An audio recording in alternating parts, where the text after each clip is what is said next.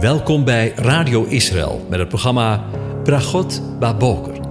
Een kort ochtendprogramma waarin een gedeelte uit de Bijbel wordt gelezen en besproken. Met Bragot Baboker wensen onze luisteraars zegeningen in de ochtend. Presentator is Kees van de Vlist.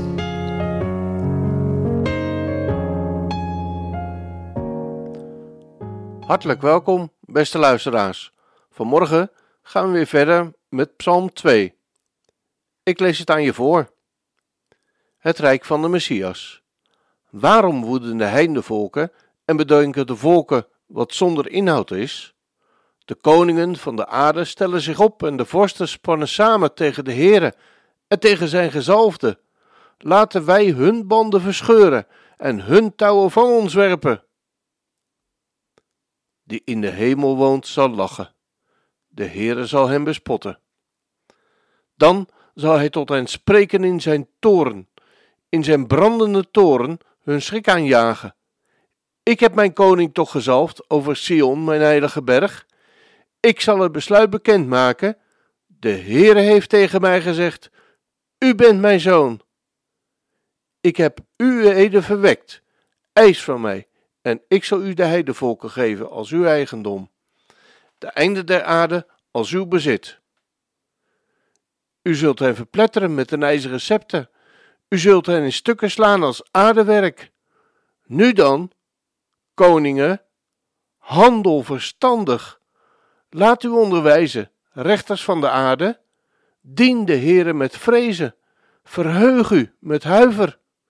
Kus de zoon, opdat hij niet toornig wordt en u onderweg omkomt, wanneer zijn toorn slechts even ontbrandt. Welzalig alle die tot hem de toevlucht nemen. Tot zover. Over de koning in Sion gesproken. Vandaag willen we weer verder nadenken over de reactie van de Heere God, Adonai, zoals we die lezen in de versen 4 tot en met 7. En ik lees ze nog een keertje voor. De Heere die in de hemel woont, zal lachen. De Heere zal hem bespotten. Dan zal hij tot hen spreken in zijn toren, in zijn brandende toren hun schrik aanjagen. Ik heb mijn koning toch gezalfd over Sion, mijn heilige berg. Gisteren hebben we stilgestaan bij het lachen van hem die in de hemel woont, en het bespotten van de koningen en vorsten van de aarde die samenspannen tegen de Heere en zijn gezalfde.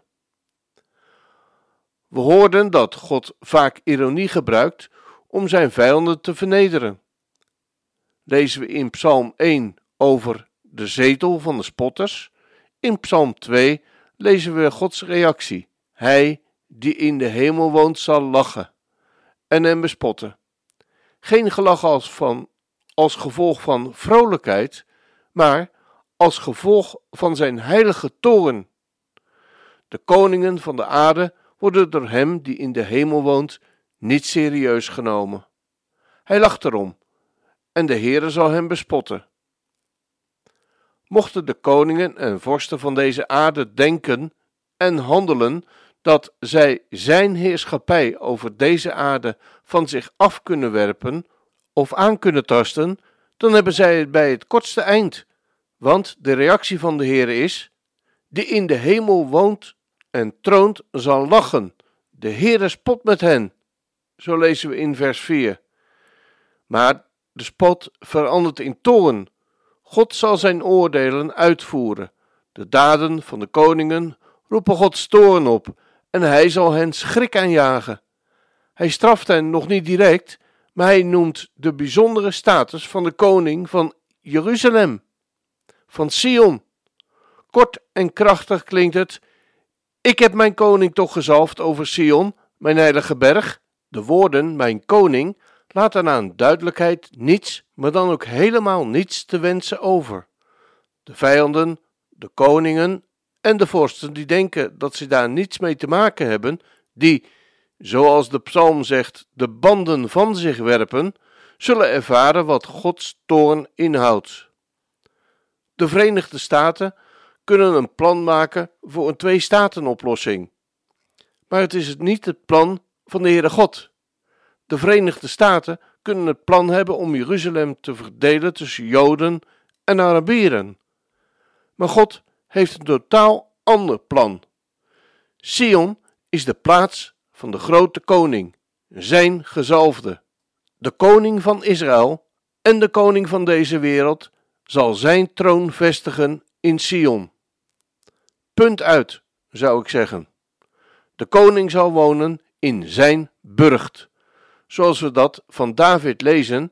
En ik zou je willen uitnodigen de volgende woorden niet alleen in historisch perspectief te lezen, maar ook in profetisch perspectief. In dat het nog komen gaat, in dat wat nog voor de deur staat. Ik lees 2 Samuel 5, vers 9. David nam echter de vesting Sion, dat is de stad van David, in. En David zei namelijk op die dag: Ieder die de Jebusieten wil verslaan, moet de watergang zien te bereiken. En wat die kreupelen en die blinden betreft, David haat ze met heel zijn ziel, letterlijk de gehatenen van de ziel van David. Zo ging David in de vesting wonen en hij noemde die stad van David. David bouwde rondom een muur, vanaf Millo tot naar de binnenzijde. En David nam gaandeweg toe in aanzien, want de Heere, de God van de legermachten, was bij hem. Kijk, zo zit het echt. Zo is de werkelijkheid.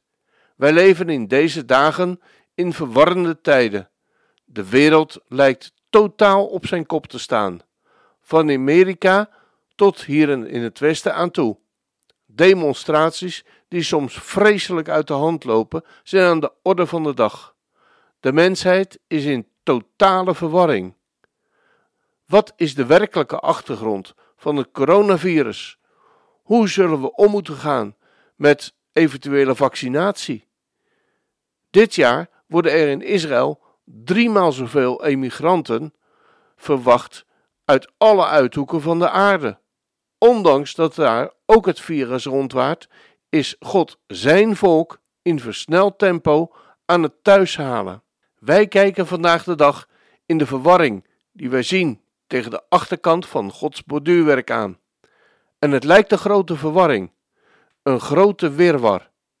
Maar de voorkant van het borduurwerk ziet er heel anders uit, want de meerdere David, de geliefde, is onderweg om zijn vesting in Sion, dat is de stad van David, Jeruzalem, in te nemen.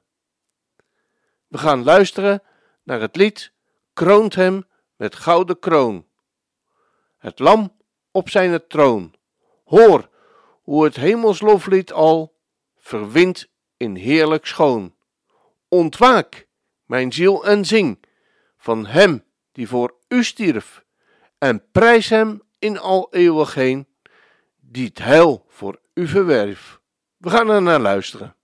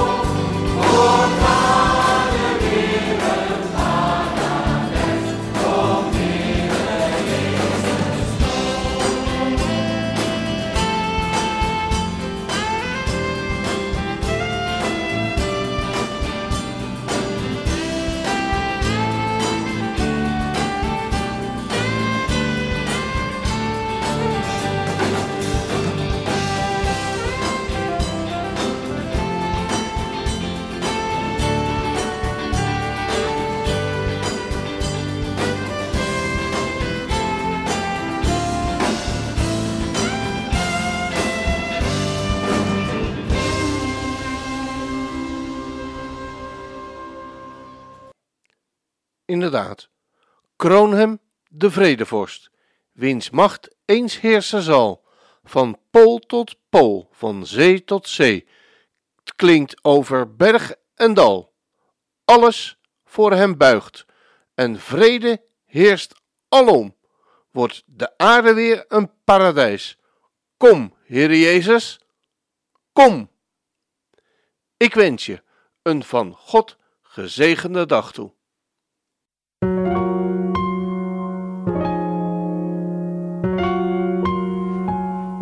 Hebt geluisterd naar het programma Bragot Baboker. Een kort ochtendprogramma waarin een gedeelte uit de Bijbel wordt gelezen en besproken. Wilt u het programma nog eens naluisteren, dan kan dat. Ga naar radioisrael.nl en klik onder het kopje radio op Uitzending gemist.